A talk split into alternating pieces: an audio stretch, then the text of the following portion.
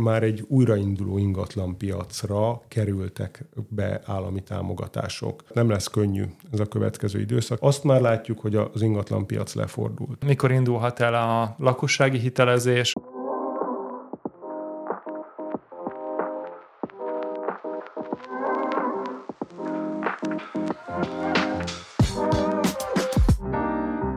Sziasztok, Havas János vagyok, és ez itt a Kulcskérdés Podcast. Mai adásunkban Grabant Janóval leszünk ketten a házigazdák, és Norbert most a mostani adásban nem tud velünk lenni, hiszen éppen szabadságát tölti, és meghívott vendégünk pedig nem más, mint Tardos Gergely, az OTP Bank elemzési központjának igazgatója. Üdvözlünk az adásban, Gergő! Hát én is üdvözlöm a hallgatókat, meg nyilván benneteket is. Megkértünk téged, hogy kalauzolj minket végig az elmúlt gazdasági cikluson, és gondolok itt arra, hogy onnantól kezdhetnénk, hogy felívelt a gazdasági helyzet, vége volt a recessziónak, és elindult ez a, a korábbi időszak. Illetve szeretnénk még arról beszélni veled, hogy milyen hatások várhatók a csok kivezetésétől,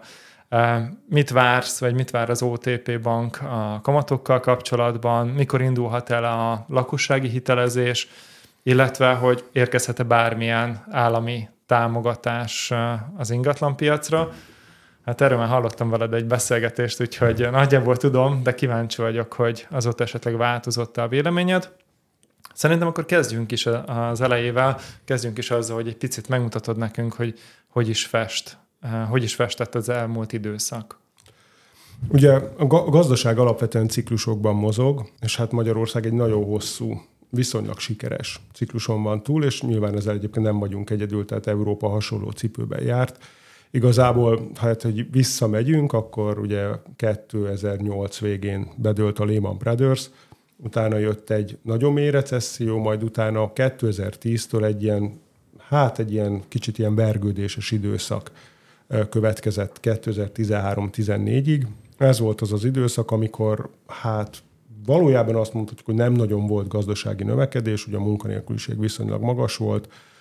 Még ebben az időszakban ugye voltak olyan költségvetési problémák, hogy így folyamatosan utána kellett igazítani a költségvetésnek. Volt áfaemelés, mindenféle ilyen egyéb, tehát ha jól emlékszem, volt, volt SMS adó, meg chips adó, meg ilyesmi. Tehát igazából ez arról szólt ez az időszak, hogy, hogy a nagy zuhanás után igazából hát így próbálta a, a sokkot feldolgozni a gazdaság. Ugye ebben az időszakban még, tehát az ingatlanpiac az eset, nagyon alacsony volt a forgalom, a, az árak nominálisan is csökkentek. Igazából a magánszektor egy olyan helyzetben volt, hogy több hitelt fizetett vissza, mint amennyit felvett. És ugye közben azért jöttek komoly lépések, tehát a, a, elkezdődött a forint kamatoknak a csökkentése, fokozatosan több lépésben sikerült megszabadulni a devizahitelektől, közben azért a, a mondjuk a költségvetésnek a, a likvid pénzállományát, azt, azt, azt fel, megemelték, a devizatartalékok is elindultak fölfele. Az igazi áttörést az 13-14 hozta, amikor igazából elindult az EU-s pénzeknek a gyors ütemű felhasználása. És igazából innentől mondhatjuk azt, hogy, azt, hogy Magyarország elindult felfelé, és nyilván ezt támogatta az is, hogy közben egyébként az európai gazdaság is elindult, ugye ott a görög válság volt az, ami még a, a Lehman után okozott egy második hullámos visszaesést. És ugye igazából utána elindult egy komoly sikertörténet, tehát viszonylag gyorsan, ilyen 4%-os ütemben nőtt a gazdaság, gyorsan bővült a foglalkoztatottság. Ugye a, a költségvetésnek hirtelen nem az volt a problémája, hogy minden évben ki kellett találni, hogy, hogy milyen kiadás csökkentő, adónövelő intézkedésekkel lehet mondjuk, mondjuk jó irányba terelni a költségvetési hiányt, hanem, hanem igazából az volt a probléma, vagy hát probléma, tehát az volt a helyzet, hogy minden év végén látszott az, hogy több pénz marad a kasszában, mint amennyit terveztek, és ezt el lehetett költeni. Adó meg járulékcsökkentésre, mindenféle ingatlan piacot támogató intézkedésre, és ez, hogy ez egy ezzel párhuzamosan a jegybank lecsökkentette a kamatokat, mindenféle programot talált ki, tehát volt egy ilyen nagyon komoly öngerjesztő növekedés, és mindehez persze adott volt egy nagyon kedvező külső környezet, mert alapvetően alacsonyak voltak az energiaárak, nagyon alacsony volt a globális infláció, annyira, hogy, hogy a jegybankoknak nem az volt a problémája, hogy, hogy a inflációt lefele tuszkolja a cél felé, hanem igazából az volt a helyzet, hogy a kamatokat lenyomhatta az infláció alá, hogy felfele próbálja tolni az inflációt, és ezzel párhuzamosan még egy minden, tehát mondjuk az Európai Központi Bank is rendszeresen vásárolt állampapírt a, a másodpiacon, hogy a hosszú hozamokat is lefele nyomja. Nagyon sok olyan intézkedés volt, ami igazából kívülről is és belülről is hozzájárult ahhoz, hogy a magyar gazdaság gyorsan tudott nőni, és nyilván ez egy nagyon kedvező környezetet biztosított az ingatlan piacnak. Egy pénzügyi elemző ismerősöm szokta erre mondani azt, hogy lejtmenetben még nyomták a gázt. Te is ezt gondolod, hogy igen, azt mondhatjuk, hogy az, hogy a költségvetésnek mindig több pénze volt, és ezt, ezt igazából nem arra használták fel, hogy akkor mondjuk a, meg, megszűnjön a költségvetés hiánya erre az időszakra, hanem, hanem minden évben akkor ezt elköltötték valamire. Ez nyilván tovább fűtötte a növekedést. És az, hogy a jegybank is azért 2017-18-tól már látszott az, hogy az infláció elkezdett emelkedni, és a jegybank például ahelyett, hogy mondjuk ilyenkor kamatot emelt volna, vagy próbált erősíteni, volna erősíteni a forintot, azért, hogy, hogy feljebb tornázza a növekedést, ezért ugye lejjebb nyomta a kamatokat és gyengítette a forintot. És igazából ez az ingatlan piacon is nagyon rá komoly önerősítő hatással bírt, hiszen amikor ugye a költségvetésnek már volt pénze, akkor akkorra már az ingatlan piac egy óriási mérepülés után elkezdett magára találni és, és látszott az, hogy az áresés megállt, ugye a készpénzes gyors reagálású bevők már megjelentek a piacon, lényegében nem volt új lakásépítés. Tehát egy, arról beszélünk, hogy jelenleg mondjuk engedélyeztetnek ilyen 20-30 ezer lakást, így az elmúlt pár év trendjében, és mondjuk épült is ilyen 21 pár ezer. Akkoriban az építési engedélyek beadott száma és a használatba vétel is leesett 6 ezer lakás környékére évente, 6-7 ezerre. Olcsó is volt az ingatlan, nem is épített, senki nem is ment bele pénz, nem is volt hitelfelvétel, és utána elindult az egész, és igazából már egy, már egy újrainduló ingatlan piacra kerültek be állami támogatások. Ez nyilván egyébként el is indította a a lakásépítést, de hogy, hogy azért ennek egy jó része az egy nagyon gyors áremelkedésben csapódott le, Egyszerűen azért, mert az építőipari kapacitások nagyon szűkösek voltak, tehát hogy ugye a, a, olyan sokáig tartott a, a 2009 utáni ingatlanpiaci mérepülés, hogy igazából a nagyon le, leépült a, a cégek száma, az építő, tehát főleg a lakásépítéssel foglalkozók, vagy ilyen felső tehát hogy, hogy tehát mindenki, aki, aki, aki igazából nem mély építést, hanem épületeket kivitelez nekik, az, a, a, a cégek száma, az emberek létszáma, a szakértelme minden alaposan megfogyatkozott, mert egyszerűen a töredékére volt szükség korábban. És ahogy ez megindult, igen, az a, tehát a lakáspiacon is egy, egy nagyon komoly áremelkedést indok, ö, eredményezett, miközben egyébként régiós vagy európai összevetésben már nem épült. Tehát, hogy nem, ma azt mondhatjuk, hogy igazán sok új lakás nem épült, és ez nyilván megint ráhatott az árakra, és egy tehát kicsit ön, öngerjesztővé tette a folyamatot. Egy képet elevenít föl bennem az, amit, amiről beszélsz, hogy 2011-ben kezdtem én, én el ingatlanokkal foglalkozni, és emlékszem, hogy eh, ahogy láttam az építési vállalkozókat, hogy ugye nem igazán ment a piac, tehát nem nagyon építettek, és próbáltak azt eladni a nem létező piacon, amit eh, korábban eh, megépítettek, és érdekes volt, amikor most eh, elindult a piac, és akkor elindult a visszaáramlás, tehát hogy nagyon nehéz volt 2011-12-ben szerintem egyáltalán szakember találni, és nagyon furcsa volt az, amikor hirtelen mindenki fölrántott egy ilyen kezes lábast, és akkor ő szakemberként mutatkozott be, holott előtte valami teljesen mással foglalkozott. Most sem néz ki jól a helyzet, ugye most is belecsöppentünk egy ilyenbe, ahol, ahol hát igazából azt mondhatjuk, hogy 2022 közepéig tartott a jó világ, most elindultunk lefele. Még egyébként vannak projektek a csőben, tehát hogy, hogy azért most még a korábban felépült építőpér kapacitások tudnak dolgozni, de a jövő nagyon bizonytalan. Tehát igazából amit a csőben látunk, az, hát az, az nem annyira pozitív. Hát meg egyébként azt látom, hogy sokan ugye a kapacitást próbálják megtartani, szóval ilyen nagyobb cégek, hogy nem akarják, hogy a, a vállalkozók, munkavállalók, hogy elmenjenek külföldre, vagy esetleg országon belül máshova. Én most azt tapasztalom, hogy sokszor hogy előre menekülnek, hogy tudják, hogy jön két-három ilyen kedvezőtlen év, de megpróbálnak ugye építeni, állományt ugye felhalmozni, mert attól félnek, hogyha most megint ugye leállnak, mint annó. Én ugye annó nem voltam a piacon, de így hallomásból a nagy öregektől ugye hallom ezeket a történeteket, de hogy ne legyen az a probléma, hogy x év után, még három-négy év múlva, akkor meg megint azzal kell küzdeni, hogy nincsenek alvállalkozók a nagyobb cégeknél. Nem lesz ez most azt hiszem, tehát nem lesz könnyű ez a következő időszak igazából, ami, ami bizony, tehát azt már látjuk, hogy az ingatlan piac lefordult. Ugye azt tudni kell, hogy ugyanúgy, mint a gazdaság, az ingatlanpiac is hosszú ciklusokban mozog. Nálunk ez úgy nézett hogy ugye volt a rendszerváltás, utána mondjuk 8 évig volt egy lejtmenet, 98-ig utána elindult, akkor szintén ez történt, hogy némi késleltetéssel ugye jött egy csomó gazdaságpolitikai támogatás, akkor felrobbant az ingatlanpiac. Igazából 2004 után már oldalazott, és aztán 2006-tól, amikor elromlott a makrogazdasági környezet, mert akkor, akkor jött ugye a, hát ez a lényegében az első gyurcsány kormányféle kiigazítás. Utána elindult lefele, és úgy 2000,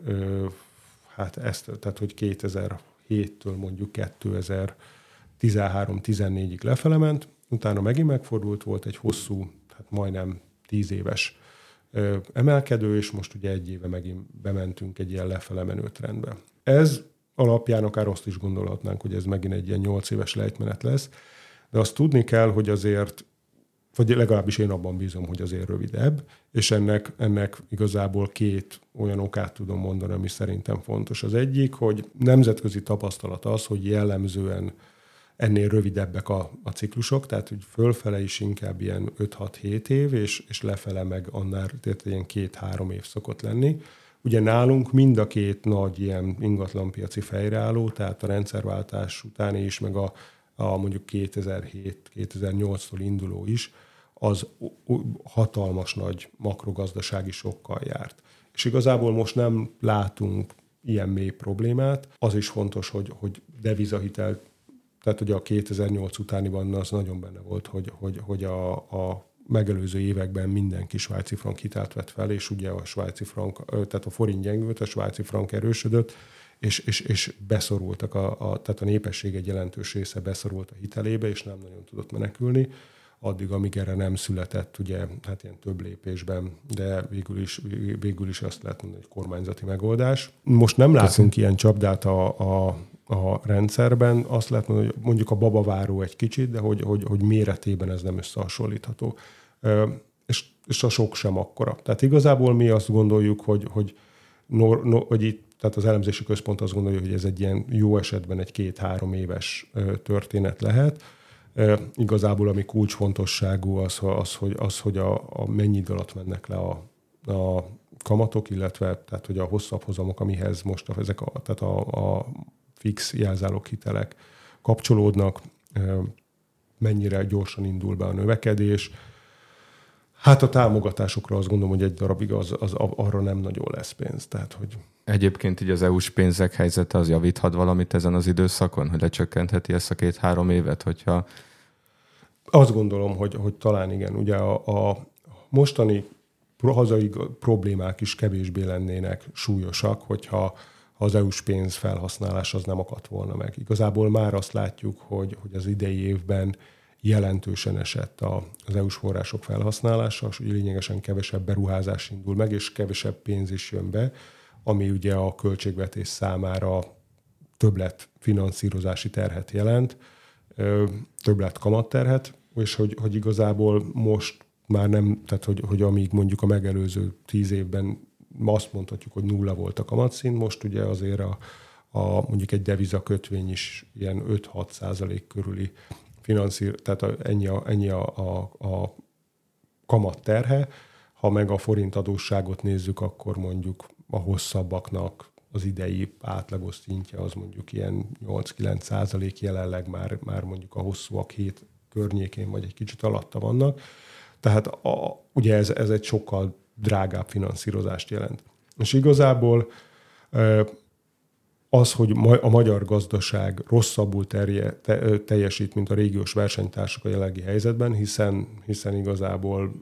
a régióban is egy-két ország van, aki, aki már recesszióval küzd, de ugye a magyar gazdaság az, az éves szinten, tehát már négy negyed éve csökken a gazdasági teljesítmény, és az utolsó adat az, az hát majdnem két és fél százalékos éves visszaesés mutat. Az azért régiós összevetésben egy, egy, egy gyenge teljesítmény, az egyik leggyengébb, és ennek igazából a, a két oka, a, az egyik az, a, az, az, hogy nálunk sokkal magasabb lett az infláció, és sokkal magasabbra emel, kellett emelni a kamatokat. Nagyjából mennyivel lett magasabb, mint így a, az EU-s átlag? Hát az EU-s átlagnál, tehát az EU-s átlag az, az, az, az mondjuk a csúcson ilyen 10 körül volt, ugye a miénk az majdnem 26 volt. Én azt gondolom, hogy ez az összehasonlítás nem teljesen fair, mert mondjuk Luxemburgban, vagy Belgiumban, vagy Németországban egészen más a, a, a átlagember jövedelmi szintje, egész más a fogyasztói kosara, kevesebbet kell arányaiban költeni élelmiszerre például, és többet szolgáltatásra, és ugye azért az élelmiszerek nagyon sokat drágultak. Tehát igazából a fair összehasonlítás az, hogyha összehas, tehát a magyar inflációt mondjuk a,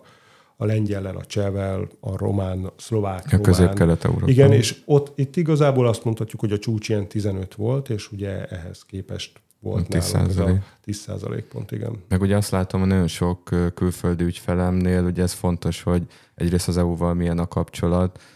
szerintem van egy ilyen pszichés része is, hogy mernek-e befektetni Magyarországon, hogy várják az irányzatokat, hogy, hogy merre fog elmozdulni. Legalábbis én ezt nagyon sok ügyfélnél tapasztaltam, hogy hiába esetleg kedvező mondjuk az euró-dollár árfolyam, de még, mégis kicsit kivárnak, mert várják, hogy rendeződik-e a helyzet. Hát ugye annak, igen, tehát hogy ez, én azt gondolom, hogy egy külföldi befektetőnél ez egy fontos szempont, hogy, hogy, hogy úgy érzi, hogy minden rendben van-e a, a az EU-val kapcsolatos viszonyrendszerben, vagy hogy kell-e attól tartania, hogy itt, itt a feszültségek tovább éleződnek. És az a helyzet, hogy, hogy egyelőre nem látszik az, hogy ez a, a, a komoly ellentét ez, ez érdemben oldódna. Tehát amit mi látunk, az az, hogy, hogy az magyar kormány és az EU közötti feszültség az továbbra is nagyon erős vagy éles, és, és hogy igazából nem történik, tehát enyülést nem látunk, és, és nem látjuk azt, hogy, hogy egyértelműen abba az irányba menne a dolog, hogy így közel, a közeljövőben hozzájuthatunk ehhez az EU-s forrásokhoz. Tehát igazából mindenki bizonytalan a dologban, mindenki azt látja, hogy, hogy van egy pár olyan, tehát a magyar kormány és az EU oldalán is vannak olyan kérdések, amiben nem akarnak engedni, és hogy egyelőre, hát ez ilyen bizonytalan időre függővé teszi az egész dolgot, és akkor abban bízunk, hogy majd talán, hát ha minden jól megy, akkor akár az év végére, valószínűbb az, hogy mondjuk jövőre, amikor meg lesz az európai parlamenti választás, hogy talán utána valami, de hogy, hogy igazából nagyon bizonytalan az egész lehet, tehát hogy, hogy komoly, tehát mind a két fél, tehát fél oldaláról olyan dolgokat látunk, vagy hát olyan hozzáállást látunk, ami, amiből egyelőre nem látszik, hogy mikor lehet ebből valami. És a háború szerinted mennyiben befolyásolta, vagy mik azok a befolyásoló tényezők, például ezzel az infláció, hogy ilyen kimagasló, hogy a Magyarországon? Hát ugye a, a, egyébként az infláció az már azt látjuk, hogy jön le, tehát hogy igazából mm, már, tehát ugye megvolt a csúcs januárban, és viszonylag ütemesen jövünk le, és igazából azt lehet mondani, hogy azok a tényezők, amik a, azt a inflációs robbanást táplálták Magyarországon, azok azért nagy részt kifulladóban vannak, tehát a forint, tehát egyrészt az energiárak visszajöttek, a forint sokat erősödött vissza, Ugye a tavalyi, az év első felében még, még arról szólt, hogy mindenki tele volt pénzzel, így a választások előtti pénzosztásból volt egy csomó mindenféle támogatás, tehát hogy nagyon erős volt a, a fogyasztói kereslet, ugye ez eltűnt és, és átfordult abba, hogy, hogy hát igazából mindenki azt nézi, hogy hol tudna spórolni. Közben a külső, tehát az élelmiszerárak is csökkennek, tehát hogyha a, a, összerakjuk ezeket a dolgokat, akkor igazából az látszik, hogy már így a, az infláció csökkenő koktél az összeállt, és igazából ha azt nézzük, hogy az utolsó három hónapban mennyi volt az infláció Magyarországon, tehát hogy az, nem, nem, nem az éves szám, hanem az, hogy, hogy mondjuk tavaszhoz képest nyáron mennyit emelkedtek az árak, és ezt, ezt meg, megnézzük, hát hogy ebből milyen éves infláció jön neki, akkor igazából ez már egy ilyen, nem is az, hogy egy számjegyű, hanem, hanem igazából 4-5 százalék irányába mutató infláció, és az a régiós trendekkel teljesen összhangban van pár hónapja beszélgettünk ugye Kónya Csillával hitelezés finanszírozásról, és akkor volt, ha jól emlékszem, akkor 21,5 százalék, most néztem 16,4 százalékon van, tehát mondjuk ez szerintem durván egy ilyen két hónap alatt. Tehát azért abban bízhatunk, igazából így, így az év végére már mi azt gondoljuk, hogy akár ilyen 7 százalékra is le tud menni az infláció, és hogy, hogy jövőre meg, ha, ha jól mennek a dolgok, akkor ilyen 4-5 százalék, tehát mondjuk az év vége felé már, már akár ilyen 4 közül. Ez meg a hitelezés miatt lesz fontos, hogyha ugye lejjebb mennek, akkor talán kedvezőbb, hát Igen. hát nem talán biztosan kedvezőbb lesz a hitelezés is. Ezt akartam kérdezni, hogy mi kell ahhoz, hogy újra uh, finanszírozzon a, a, vagy finanszírozzanak a bankok, hogy legyen kedvük, Szerintem a bankoknak van kedve. Ugye, Ezt akartam, hogy most is van kedve. Kedvük csak... van, csak lehetőség, igen, így kevésbé van az emberek. Igen, igen, igen a kereslet oldalán. Tehát egyszerűen ugye az a helyzet, hogy a, a hazai állampapír hozamok, vagy mondjuk ezek az ilyen swap hozamok, amik elég jól kapcsolódnak az állampapír hozamokhoz, ugye a, a, az infláció miatti kamatemelés miatt igazából felrobbantak, tehát hogy, hogy hát még 2021 környékén vagy így, így a hosszabb hozamok ilyen 1-2-3 százalék körül voltak. Ugye a csúcson, tehát hogy az idei mm, év, tehát hogy tavaly év végén, idén az év elején, tehát, sőt nem, bocs, tavaly az év, tehát a csúcson ilyen 11 százalék volt, és hogy igazából ugye azóta jöttünk le, de a mostani szint az még mindig, tehát mondjuk a 10 éves állampapírhozam az ilyen 7 százalék körül van ha erre még figyelembe vesszük azt, hogy, hogy erre rájön mindenféle mm, banki költség, meg, meg tehát kockázati költség például, meg kezelés egyebek. Tehát, hogy igazából az a helyzet, hogy, hogy igazából a, a mostani hozamszinthez ilyen 8, inkább 9 százalékos átlagos hitelkamat társul ugye a hosszabb fix hiteleken, ami magas. Tehát az átlag ügyfél számára igazából ilyen hat körül kezdődik a, a, a, az, amikor úgy megjön az étvágya. De nyilván nem csak a hitelkamatról szól. Tehát ami, a mi tapasztalatunk az, hogy igazából az ingatlan piaci kereslet az hát három dolog kell hozzá. Ugye az egyik az, az, az a bizalom. Tehát, hogy mi, ugye a fő megállapítás az mégiscsak az, hogy az átlag ember számára, de a vállalat számára is a legnagyobb értékű vagyontárgy az a, az, a, az, a, az, az ingatlan. Tehát, hogy a jövedel az egyévi jövedelméhez képest is óriási a, a vételár. Egyszerűen, mivel hitelfelvétel kötődik hozzá, valaki akkor vág bele egy ingatlanvásárlásba, hogyha bízik a jövőben. Nemzeti szinten ez általában akkor valósul meg, hogyha van növekedés, a, a bérek vásárlóértéke nő, és hogy, hogy, hogy úgy egy hosszabb sima időszakon van túl mindenki, és bízhat abban, hogy tényleg így a következő pár év az zöggenőmentesnek ígérkezik. Ez az egyik fontos mozgatórugója a dolognak. És általában ilyenkor azt is látjuk, hogy azért az ingatlanárak emelkednek, tehát hogy van egy olyan késztetés, hogy ha valaki akar és most vesz, akkor még olcsóban tud venni. Csökkenő ingatlanáraknál, vagy oldalazó ingatlanáraknál ez a hatás már kisebb. Ugye a másik fontos dolog, amiről beszéltünk, tehát, ez a mege, tehát hogy a, a vonzó vagy elérhető hitel, mint fontos hozzájárulója az ingatlanpiaci keresletnek. Tehát a harmadik dolog Magyarországon, amiről még tudunk, ezek, a, ezek az állami támogatások, amiknek nagyon nagy szerepe. Tehát, hogy egy, mondjuk két évvel ezelőtt az ingatlanpiacra ezer milliárd körüli állami támogatás találhatott utat. És, és ez nagyjából annyi, mint amennyi hitel belement a, a dologba, és a, hát a, a teljes ingatlanpiaci forgalomnak is, is ez, ez azt gondolom, hogy ugye itt már azért bizonytalanabbak az, az, az hogy mennyi pénz fordult meg a lakáspiacon, de hogy ez, ez az összes megforduló pénznek legalább a negyede, de lehet, hogy ennél, ennél mondjuk a harmadáról beszélünk. És ugye ez, ez, ez egy csomó, mint tehát a, a zöld otthon program, meg egy csomó más támogatás, mi, ahogy kiesett, ez ugye igazából most azt számolgattuk, hogy ennek az a korábbi összegnek a negyedéről beszélhetünk, ami, ami bemegy, és nyilván, tehát hogy, hogyha ránézünk a lakáspiacra, akkor, akkor nem, tehát hogy ennek nagyon, ez nagyon komolyan hozzájárult ahhoz, hogy a, a lakáspiaci kereslet, meg a forgalom, meg minden bezuhant. Meg egyébként ez egy ilyen öngeneráló folyamat volt, mert hogy jöttek a támogatások, ugye a piacra bármi támogatás jött, az mindig beépült az árba előbb-utóbb, és akkor gyakorlatilag mesterségesen szerintem azért nyomta fel az árakat, és akkor itt jött a motiváció az embereknél, hogy hát akkor vegyünk még most ingatlan, nehogy a végén Szóval hogy láttam azt, hogy van egy ilyen, hogy segíti nyilván a piacot, meg kellett is, hogy felpörgesse a piacot, meg a hozzátartozó szektorokat, például az építőipar, de egyébként meg így szépen azért az árazásban is megmutatkozott ez, hogy gyakorlatilag ha holnap már fel lehetett venni valami támogatást, akkor holnap után az áraz már időmúlt is hozzá. Úgyhogy ez is ilyen, nem tudom, magyar sajátossága, hogy minden támogatást beépítenek, de... Ugye ez akkor, akkor történik meg, hogyha szűk az építőpéri kapacitás, mert hogyha mondjuk van kereslet száz lakásra, és a, a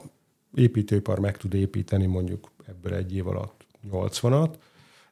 és ráborítunk még mondjuk annyi támogatást, hogy hirtelen megjelenik egy csomó kereslet még, akkor ebben a helyzetben lényegében garantáltan áremelkedés lesz a válasz. Erről egyébként vannak is kutatások, hogy, hogy, hogy maga az ilyen ingatlanpiacra alokált pénzek helyett az, hogyha ha mondjuk kifejezetten az építést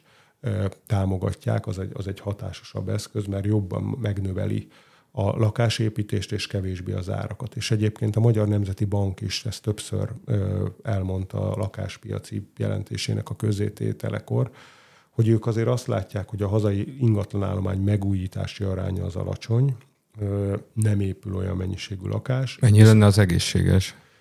Ezen óriási vita van. Ugye a, a, a legegyszerűbb fűveikúj szabály az az, hogy, hogy és minden, sokan, tehát nagyon sok helyről hallom, még, még olyanokról is, akik, akik tényleg magas pozícióban komoly döntéseket hoznak, hogy, hogy ugye Magyarországon van ilyen 4,5 millió ingatlan, 4,4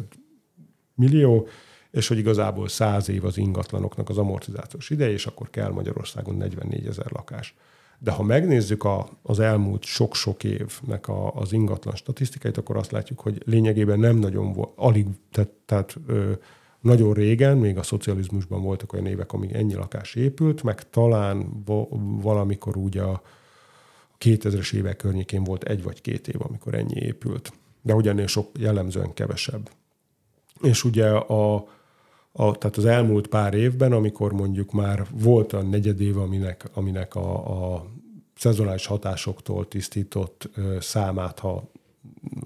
megszoroztuk négyel, és 30 fölött volt, akkor az, az már egy nagyon kilógó érték volt. És hát ugye az egyik dolog, hogy akkor mi is a valóság. Mi, a, amit néztünk, hogy de ebben is van bizonytalanság. Tehát az egyik fontos dolog, vagy egy dolog, egy, még egy olyan dolog van, ami befolyásolja a lakáspiaci keresletet, az a demográfia. Tehát, hogyha nyilván egy, egy ö, városba rengetegen beköltöznek, akkor borzasztóan megnő az ingatlankeresés, és nagyon fel tudja hajtani az árakat. Tehát például Kínában vagy Moszkvában ö, a, még a 2008-as válság előtt, ez Moszkva, vagy az elmúlt pár években Kínában, ott ugye, tehát hogy az volt, hogy egyszerűen nem tudott elég lakás épülni, sokkal nagyobb volt a népesség a meglévő lakás kínálathoz képest, és ez, ez brutális árakat eredményezett, tehát a jövedelmekhez képest, amiben általában szoktuk mérni így azt a, az ingatlan árakat, és ez mondjuk így, hossz, egy, erről beszélhetünk egy pár szót, mm. tehát hogy ahhoz képest három-négyszeres árakat eredményezett. És nyilván a, vannak olyan Magyarországon is olyan falvak, ahonnan, ahol, ahol lényegében kikopik a népesség, és ott nyilván egy, egy palota is eladhatatlan, hiszen, hiszen nincs rá kereslet. Tehát a demográfia egy fontos szempont, és azt tudjuk, hogy a hazai demográfia az nem túl fényes. Igazából mi csak ilyen egyszerű hüvelykű szabályokat vizsgáltunk, hogy, hogy a demográfia előrejelzések szerint mondjuk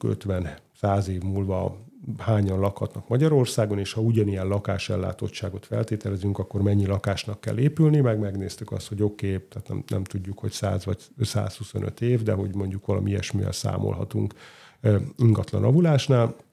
és ebből azért az jött ki, hogy a 44 ezer helyet könnyen lehet, hogy Magyarországon valahol ilyen 10 és 20 ezer között valahol így félúton lenne az a, az egészséges mennyiségű új lakás, ami hogyha felépül, akkor az, az, az hosszú távon az elegendő. Most ehhez képest ugye egy pár évig voltunk fölötte, előtte sokáig alatta, tehát a, hogy, hogy mm,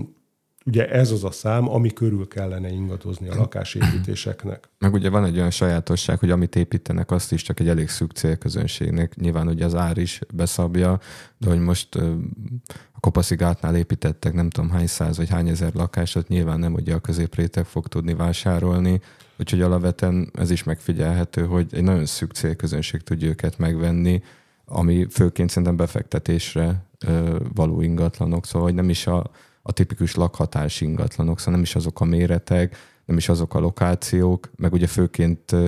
nagyváros orientált, szóval Budapest, Sopron, Győr, Debrecen, a kisebb településeken meg nagyon keveset építenek. Hát ez profit, bocsánat, hogy, tehát ez profitorientált inkább, azt gondolom. Tehát, hogyha mondjuk az van, hogy te 700 ezer forintból tudsz négyzetméterét megépíteni, ez akárhol lehet, akár Budapest Rózsadombján, akár lehet, nem tudom, Borsodba,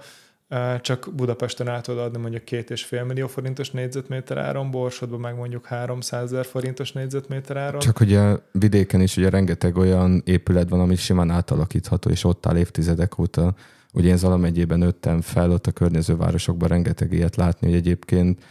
simán át lehetne alakítani, és nem ilyen négyzetméter árakról beszélnénk, hanem megoldani egy bizonyos lakhatási gondot, de mégsem teszik. Nyilván itt a profit azok, amit te is mondasz, hogy jobban jönnek ki ugye máshol. De ez nem új építés, amit mondasz, hanem ezek ugye felújított ingatlanok. Mi Persze, de szerintem hát az állományban részben ez is beletartozik, hogy egyébként maga a meglévő állománynak szerintem a minőség az, az iszonyú gyenge már, mint hogy a felújítások minősége is, meg a felújítások számába is itt erre gondolok. Ez azért nehéz egyébként, mert hogy amit látunk, hogy Magyarországon van egy folyamatos belső migráció. Tehát igazából ugye, sőt nem is be, tehát hogy Nagyjából az történik, hogy Magyarország nyugati részéről, illetve Budapestről viszonylag, tehát hogy, hogy ütemesen mennek ki külföldre, és a, a, a, az ország nehezebb sorsú részeiről meg jönnek fel a, a, a városokba, ahol jobbak az életkörülmények, nyilván lényegesen drágább az ingatlan, de hogy könnyebb munkát találni, tehát azért a, amikor még magasabb volt a munkanélküliség az országban, mert most mindenhol a, a viszonylag alacsony, azért az látszott, hogy mondjuk, mondjuk a megyei jogú városokban indult el először az élet, ott nagyon hamar beesett a munkanélküliség, volt egy folyamatos felszívó hatás. Azokon a helyeken, ahol, ahol nehezebb munkát találni, ott nyilván kisebb is az igény, tehát hogy, hogy, hogy egyébként Magyarországon van egy csomó üres ingatlan, tehát hogy ilyen száz, több százezeres nagyságrendről beszélünk, amelyek részben elavultak, részben meg azért, mert hogy, hogy, hogy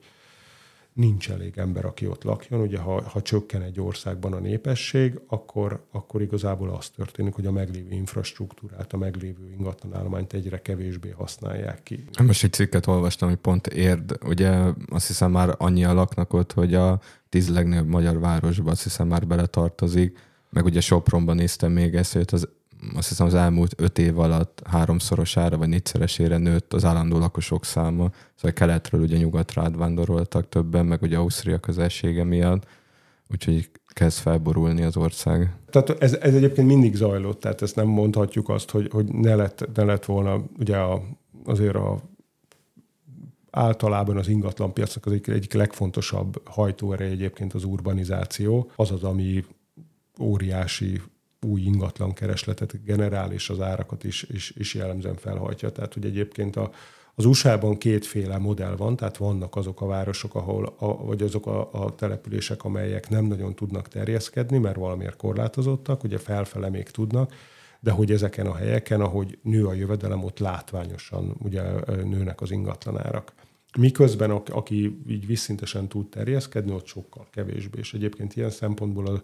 az USA ingatlanás statisztikai egy kicsit máshogy alakulnak, mint mondjuk az európaiak. Pont azért, mert hogy, van, tehát hogy, hogy, hogy mondjuk egész, 2008-at megelőző hosszú időszakban ott nem nagyon volt igazából az USA átlagában sem ingatlan áremelkedés, ezért volt, vagy hát nem a 2008-at megelőző, mert ott pont, pont volt, tehát a jelzálogválság felfutása előtt, de hogy a, a korábban nem volt jellemző az, hogy olyan nagyon gyorsan mentek volna fel az ingatlan árak. Erről, hogy ugye sok közüres ingatlan, az abszolút én a belvárosban lakom, és ismerem ott a nagyjából a lakóközösséget, így a gyerek révén elég sok embert megismerünk, és, és hogy rengeteg lakás van üresen, tehát teljesen üresen, vagy hát most már van, amit hasznosítanak, tehát mondjuk kiadnak hosszú távra, vagy Airbnb-ztetnek, de hogy nagyon sokan ugye volt ez a kiáramlás, ahogy ment, szaladt a piac, ugye mindenki agglomerációba vásárolt, nyilván a csoknak köszönhetően is, ez hajtotta föl ezt a jelenséget, és ürült ki a város. És most meg azt látom, hogy azért sokan igyekeznének inkább vissza a városba, mert hogy ezt az ingázást azért megunják. Tehát ez az egy-két órás bejáráspont, amiről beszélgettünk adás előtt. Tehát, hogy ez az, ami, ami szerintem most egy kisgyerekkel még kevésbé probléma, bár ott is mondjuk a bölcsöde, óvoda, azt gondolom, hmm. hogy, hogy egy másik kérdés, utána az iskola, és utána ugye jönnek a külön programok a gyerekekkel, tehát ez az, ami szerintem nehézséget okoz. Nyilván ez egy külön adás lehetne egyébként ez a téma. Viszont ami az árfelhajtásra még így eszembe jutott, hogy az sem segített sokat ugye ennek, hogy az állam is akkor kezdett el ugye állami beruházásokat csinálni, amikor amúgy a piac is elindult volna, és lett volna igény rá, hogy lakások épüljenek, illetve társasházak. Tehát ugye azt a nagyon-nagyon kevés szakembert is ugye elvitték az állami projektek, és akkor utána nyilván mindenki elkezdett valahogy, mert látta, hogy mennyit, el, mennyit lehet elkérni egy házépítésénél, akármilyen szakipari munkára, kitalálta, hogy ő akkor ezzel fog foglalkozni, jó esetben elvégzett egy ilyen iskolát, rosszabb esetben YouTube-ról megnézte ezeket a videókat, és akkor ő már tudott burkolni, meg az ácsmesterséget is kitanulta, és hogy ez is egy árfelhajtó erő volt, nem? Ebben az időszakban. Persze, teljesen egyértelműen. Tehát, hogy igazából tehát azt mondhatjuk, hogy, hogy volt jó sok szűk esztendő, ahol leépültek lényegében az építőipari kapacitások, és amikor elindult a gazdaság, akkor egyszerre kezdett ö, volna bele mindenki lakásépítésbe, irodaépítésbe, mert iroda se volt elég, ipari ingatlanba, és ebben az időben volt az, hogy a, a kormány ugye az EU-s pénzekből elkezdett beruházni. És akkor hirtelen mindenki meglepődött, hogy, hogy óriási késésekkel mennek a projektek, tehát hogy, hogy két-háromszor annyi, hogy olyan problémák jelentkeztek, hogyha valaki korán még a tervezőasztal erre adta az ingatlanokat, akkor nem tudta nyereségesen befejezni, mert hogy annyit mentek közben a kivitelezési költségek hogy ez banki szempontból egy komoly, hát ilyen aggodalomra adott okot, hogy bedőlhetnek cégek. Ugye volt, Zuglóban is volt mindenféle anomália, hogy újra eladták a lakásokat, vagy felmondták. Az a baj, hogy, hogy, hogy a, a Ugye a gazdaságpolitikának egy fontos szerepe lenne az, hogy ezeket a, ciklusokat simítsa. És például, ha az német lakásberuházás per GDP adatokat nézzük, azok elég simák. Nálunk meg, meg hát tehát hogy, hogy a mélyponton lement a GDP. Mondjuk normális esetben azt gondolom, hogy egy ilyen országban, mint Magyarország, ilyen 3-4 százalék a GDP arányos lakásberuházás. Ez a mélyponton nem volt sokkal több, mint 1 százalék, akkor a Európa legalacsonyabb szintjén voltunk, és aztán utána fölment így, így ez ilyen 3-4 százalék fölé érdemben. És az a baj, hogy hogy ez azt jelenti, hogy az egyik eset, tehát hogy a, amikor egy százalék körül vagyunk, akkor, akkor kell x ember, amikor meg mondjuk 4-5-ön vagyunk, akkor meg 5x ember. És hogyha ha erre még rájön az iroda, meg az összes többi, akkor hirtelen, tehát, tehát olyan anomáliákat látunk, hogy itt azért voltak olyan hírek, hogy a csúcson ugye a egymás, tehát az építkezésekről vitték el az építőpari szakembereket, vagy, vagy diákok hagyták ott az iskolát azért, hogy, hogy, hogy ö, lényegében ilyen kisegítő munkát végezzenek, vagy hogy, vagy hogy hát nekem is van olyan ismerősöm, ahol, ahol tanár hagyta ott a... Átképezték magukat több. Igen, tehát hogy van, aki burkoló lett, aztán utána ugye vezette már a csapatot, van, aki kilépett és, és, és asztalosként ö, akart boldogulni, ami bizonyos, tehát hogy tehát ez elveszte társadalmi szempontból, ez nyilván ez egy nagyon nem egy optimális helyzet. És ugye, amit mondtatok, hogy most csomó ember ezt megtanulta, sok év alatt ö, csinál, felépítettek egy csomó vacak ingatlan, most megtanulták, és most ott, ott fognak állni, hogy, hogy lehet, hogy nem lesz munkájuk és akkor, hát ha nagyon cinikus vagyok, akkor az lehet, hogy az egész meg, megint úgy végződik, hogy egy csomó ember megtanulta, és akkor majd Svájcban jó ingatlanokat fognak tudni már építeni. Hát meg egyébként mi kismarosan építkezünk, és pont ez volt, hogy két éve kértünk bárajánlatokat, hogy alvállalkozóktól mondtak egy X összeget, állt az építkezés, hogy nem volt rá kapacitásunk, meg idő, és akkor most elkezdtük ugye tavasszal az egészet, megkerestük ugye szimpatikusabb mm. vállalkozókat, és az akkori árhoz képest hát egy ilyen 20-25 százalékkal minimum alacsonyabbat mondtak, és volt olyan cég, aki a két év alatt, sőt most is, ma is hívott például egy villanyszerelő brigát, hogy akkor mondtak, nem tudom, 4 milliót, és akkor mondták, hát kettőért most már tudjuk vállalni, szóval érezhető egyébként itt is, hogy, hogy mi korábban nem találtam szakembert, most nem azt mondom, hogy lehet válogatni, de azért kicsit kedvezőbb a helyzet. Igen, illetve itt a csokról beszélgettünk még, hogy azt érintettük így röviden, de hogy ennek a hatásai, hogy amilyen gyorsan ugye beépültek az árakba, hogy ez a csok kivezetésével azért nem fog ilyen egy csapásra eltűnni az árakból. Tehát, hogy erről mit gondolsz? Hát ebben bízunk. Tehát, hogy igazából a, a, az ingatla, vagy a lakásáraknál mi azt látjuk, hogy, hogy volt egy nagyon gyors emelkedés, ugye igazából 2022 közepéig. A végé az már teljes őrület volt, ugye kérdezted a háborút, tehát egy csomó ember megijedt, és akkor, akkor még beugrott a lakáspiacra, viszonylag még alacsony volt a finanszírozás, ugye volt ez a nagyon kedvező ö, zöld otthon Igen. Hitel, ami, ami az utolsó nagy löketet megadta, és igazából mindenki berohant a lakáspiacra Borzasztóan felhajtották az árakat, és azt látjuk, tehát hogy, hogy igazából nagyon túlértékelt lett a jövedelmekhez képest a lakás. És azóta nem teljesen, tehát az ország nem minden pontján ez a helyzet, de hogy, hogy igazából egy ilyen oldalaz, magas szinten oldalazó lakásárakat látunk, ami egyébként ez a, ez a jobbik hely, tehát hogy ha mikor már nominálisan is esnek a lakásárak, az azért jelent problémát, mert ugye mindenki azt érzi, hogy a vagyona csökken, a bankok izgulnak a fedezeti érték miatt, stb. Tehát, hogy ez egy még, még fel tudja erősíteni a, ezt a negatív hurkot, amiben az öngerjesztő várakozások miatt most bekerült a, az ingatlan piac. De ugye ez az, ez az oldalazó ár, ez is azt jelenti, hogy ha mivel az árak egyébként, az, tehát a fogyasztói árak emelkednek, tehát hogy a, a, mondjuk a kenyérben kifejezett lakására az már esik, vagy amiben még igazából van értelme mérni a lakásárakat, azok a bérek, tehát a jövedelmekhez képest, mert az az, amiben azt látjuk, hogy hosszú távon van egy komoly, vagy hát ilyen mérce, hogy akkor most egyensúly, nem egyensúly, olcsóbb, drágább, stb.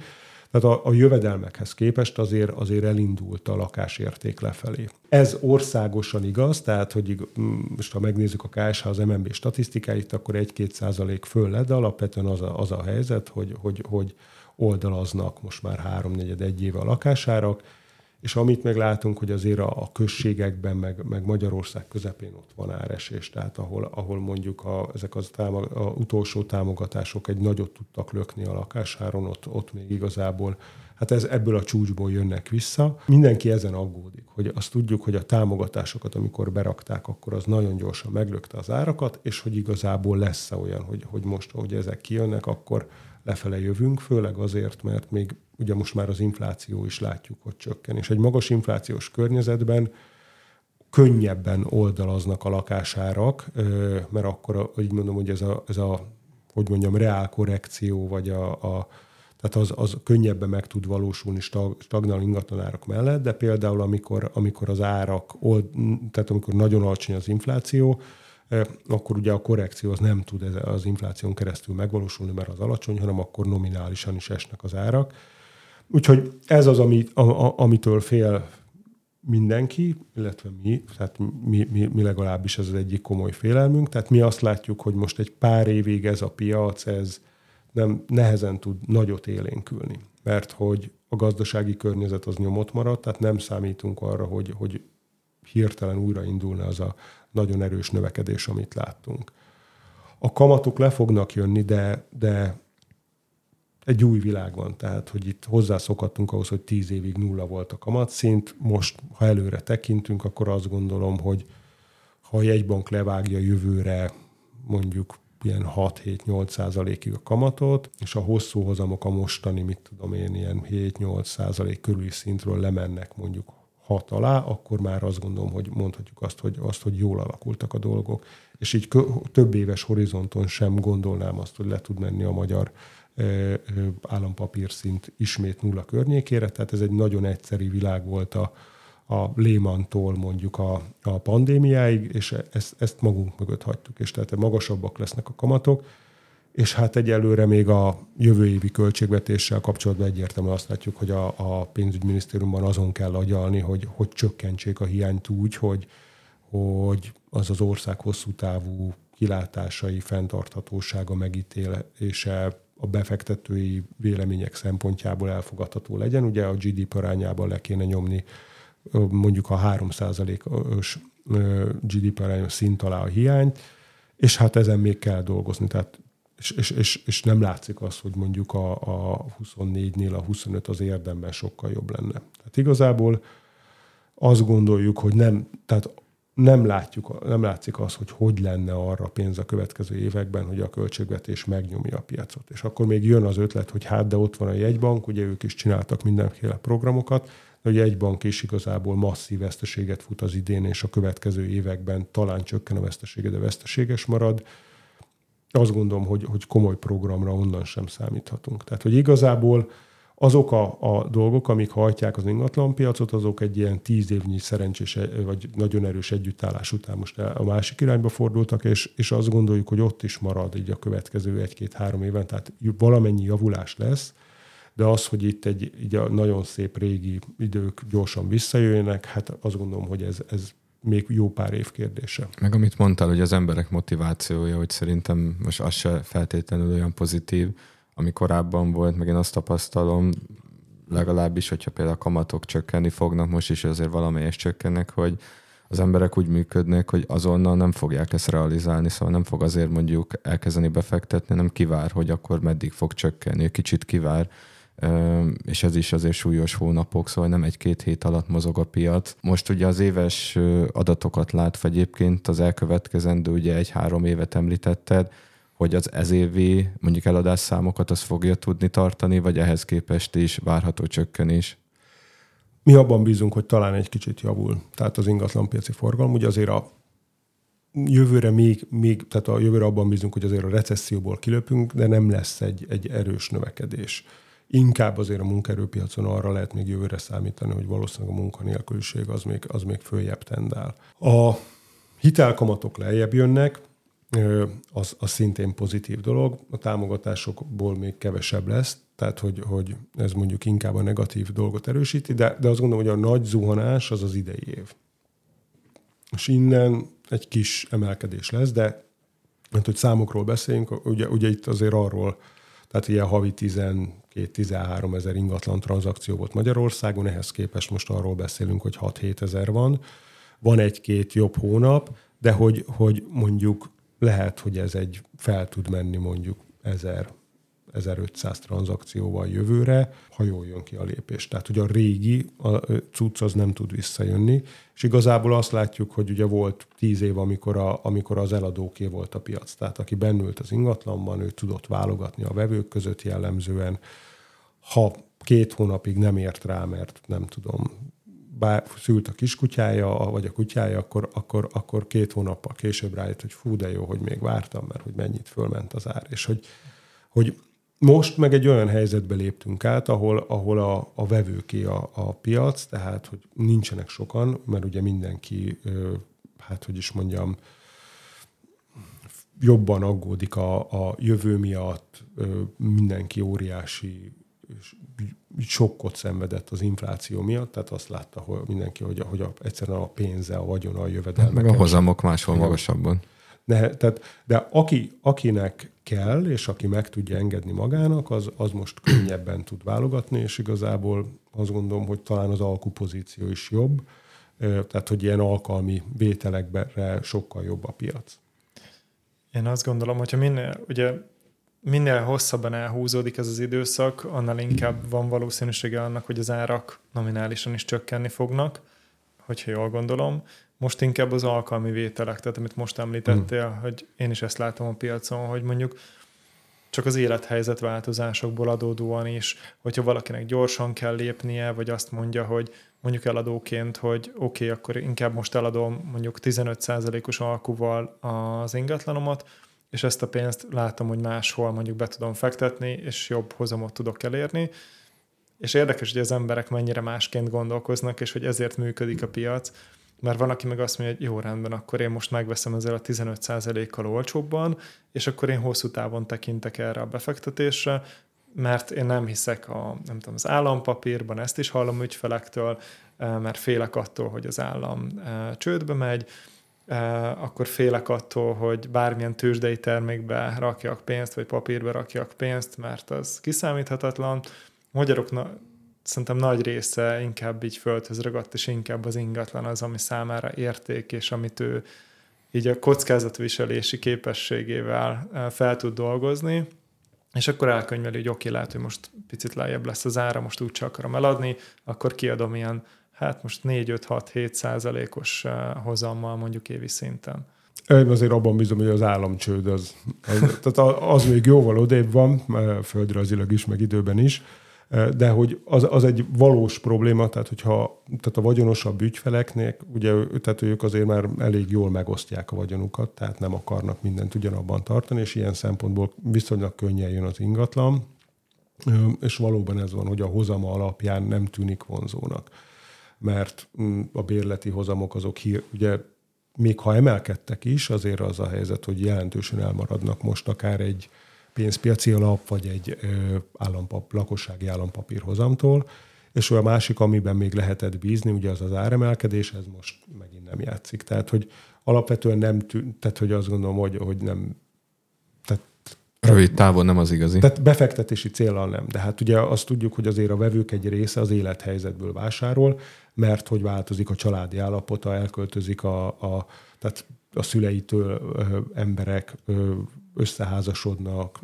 nő a család, ami, ami nagyobb ingatlan, vagy éppen a szerencsétlen esetben válnak, vagy mondjuk vannak, akik ugye örökölnek egy lakást és eladják, tehát hogy azért a, a, az élethelyzet által motivált ilyen lakástranzakció, az is egy viszonylag komoly része tud lenni a történetnek. És az a helyzet, hogy, hogy itt azt gondolom, hogy, hogy, hogy náluk most, most ugye egyértelműen ugye a, a, a vevőknek áll a pálya, és hát ez az ingatlan, tehát maga a nominális áresés, tehát hogy azért ugye az ingatlanás statisztikáknak, a, tehát hogy, hogy ott azért az nem olyan, mint mondjuk a, nem tudom, a vajnak az ára, tehát hogy nem egy homogén termék, hanem, hanem minden ingatlan az a, a speciális és egyedi, eh, meg hogy nem adjuk el őket minden nap, és, és veszünk egy másikat, tehát hogy nagyon nehéz ezt, ezt az ingatlanárat mérni, de azért mindenkinek az az őszbenyomása, hogy egyelőre stagnálunk, és hát jövőre, amikor már hosszabb ideje vagyunk a recessziós, vagy alacsony növekedéses környezetben, amikor már az infláció nem olyan magas, tehát az ingatlanoknak a reálértékének a csökkenéséhez nem, tehát hogyha van még ilyen nyomás, akkor ahhoz már nem biztos, hogy annyira elég az infláció, és az még egy nagyon fontos, amit az előbb említettetek, hogy hogy azért a kivitelezési árak jönnek lefelé. És igazából az építőanyagok is megdrágultak nagyon komolyan korábban, és ennek, tehát hogy igazából az, tehát hogy van, lehet még egy olyan hatás, hogy az új építésű lakásoknak az ára, tehát a kivitelezési költség az csökkenhet. És ez még egy kérdés, hogy ez, ez hogy hat a piacra. Mi mindezek alapján inkább azt mondjuk, hogy, tehát, hogy mi szerintünk egy ilyen oldalazó történet lesz belőle inkább, amíg nem javul az általános gazdasági környezet. Nyilván a kockázatok abba az irányba mutatnak, hogy, hogy, hogy lehet ilyen áreséses környezet, de, de egyébként nagy áresésre, tehát én azért nem számítanék, mert azért a, a hát ugye 2008 után, ha megnézzük, tehát ez egy nagyon-nagyon ellenséges ö, ö, környezet volt, és igazából ott, ott, ott, ott nem tudom, talán 20%-ot estek, azt hiszem, így átlagosan az árak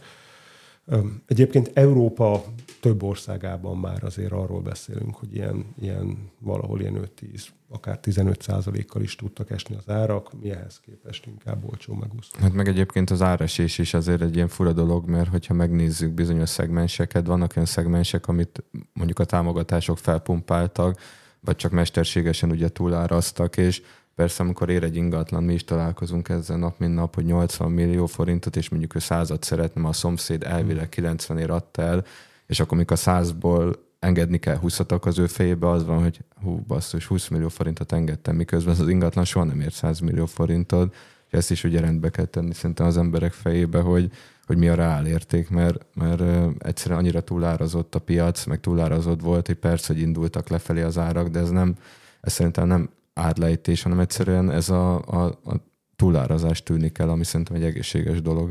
Emberek döntenek ebben, és szerintem ez a piaci hangulat, tehát hogy ez nagyon sokat, nagyon sok embert befolyásol, hogy mondjuk az előző időszak, tehát ugye nem minden évben vagy minden nap adnak el az átlag emberek lakást vagy házat, hanem amikor az élethelyzetük oda kerül, hogy nekik akkor valami oknál fogva cserélni kell.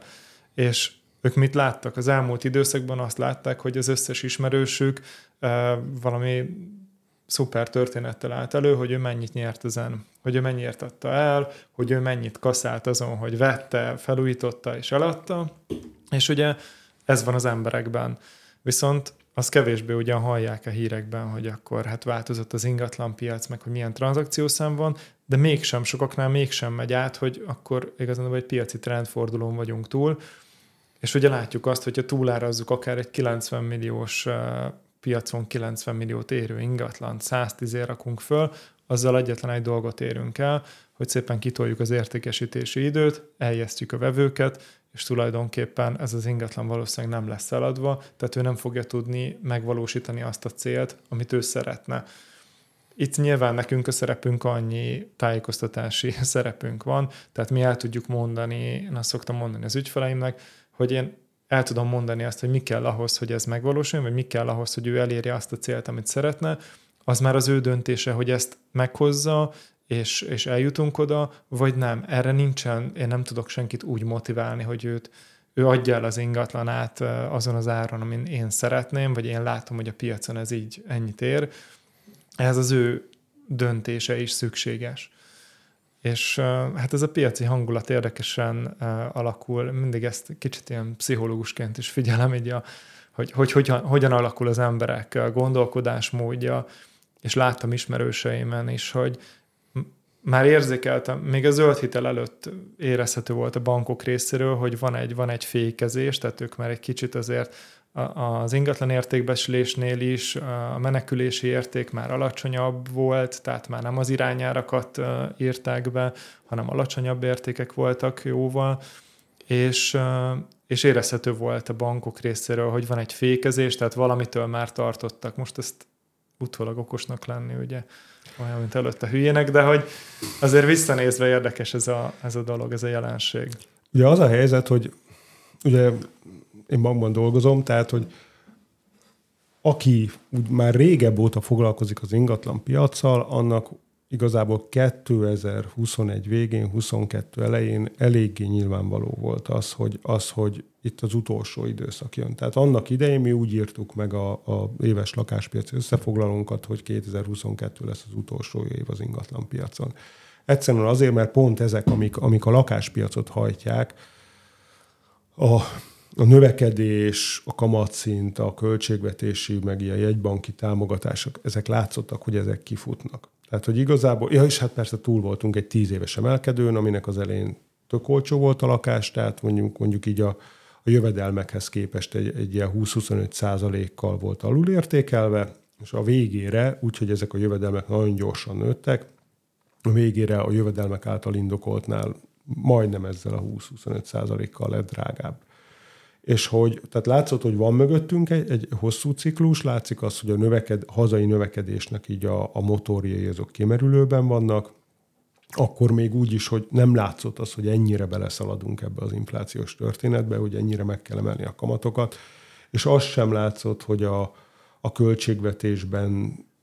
azért, azért tehát hogy, hogy az látszott, hogy lesz, ki kell igazítani majd a költségvetést, tehát hogy véget ér ez a, a adócsökkentő, kiadásnövelő időszak, és hogy utána majd inkább a, a másik irányba kell menni. De ennek a mértékét azért, azért ne, tehát a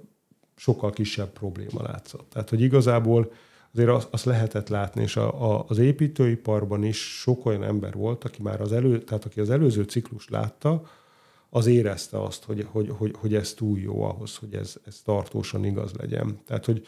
hogy azért volt, és, és ha megnézzük a lakásépítés, az engedélyeztetés nem is volt olyan mértékben túlfűtve. Tehát, hogy igazából így a kivitelező cégek egy jó része, az azt gondolom, hogy, hogy látta azt, hogy ez, ez, ez átfordulhat. És hogy emiatt úgy, úgy óvatosabbak is voltak jellemzően. Talán ilyen tőkellát felhalmozásban is készültek a szűkebb évekre. Tehát én azt gondolom, hogy ugye az a, az a baj, hogy, hogy most már, tehát hogy az, el, tehát, hogy az előző ingatlan ciklusban még én is ö, elég, tehát hogy, tehát, hogy most már benne, tehát hogy már nem, a, nem az első lakásomat kellene megvennem sajnos, de amikor az elsőt vettem, akkor egyébként pont itt Zuglóban, akkor, akkor azért így nem láttam azt, hogy ez hogy működik. Ugye nyilván, ha már valaki látott ilyen, ilyen ciklust korábban, és úgy végigélte, és úgy, úgy megvolt a rádöbbenés, hogy fú, ez történt, de hülye voltam, hogy nem láttam, stb., akkor azért a következőnél már egy kicsit dörzsöltebb. És igazából én abban bízom, hogy azért a gazdaságpolitika is levonja a tanulságokat, mert, mert hogy az egy tök fontos érték lenne az ingatlan piacnak is, hogy ne ilyen nagyon nagy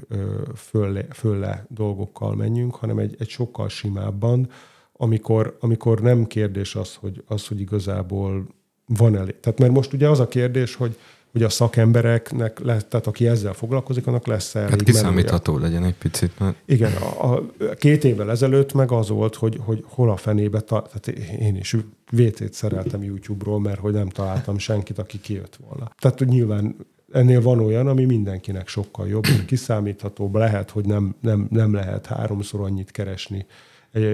az építőiparban, mint mondjuk egy irodai munkával a csúcson, de most meg nincs ez a létbizonytalanság. Nagyon szépen köszönjük, hogy eljöttél hozzánk. Én köszönöm a meghívást. Azt gondolom, hogy egy izgalmas beszélgetés volt. Iratkozzatok fel a YouTube csatornánkra, illetve Spotify-on, Google-on és Apple Podcast-en is kövessetek be minket. Érkezünk a jövőben is hasonló izgalmas beszélgetésekkel. Köszönjük szépen! Köszönjük! Norbinak pedig jó nyaralást!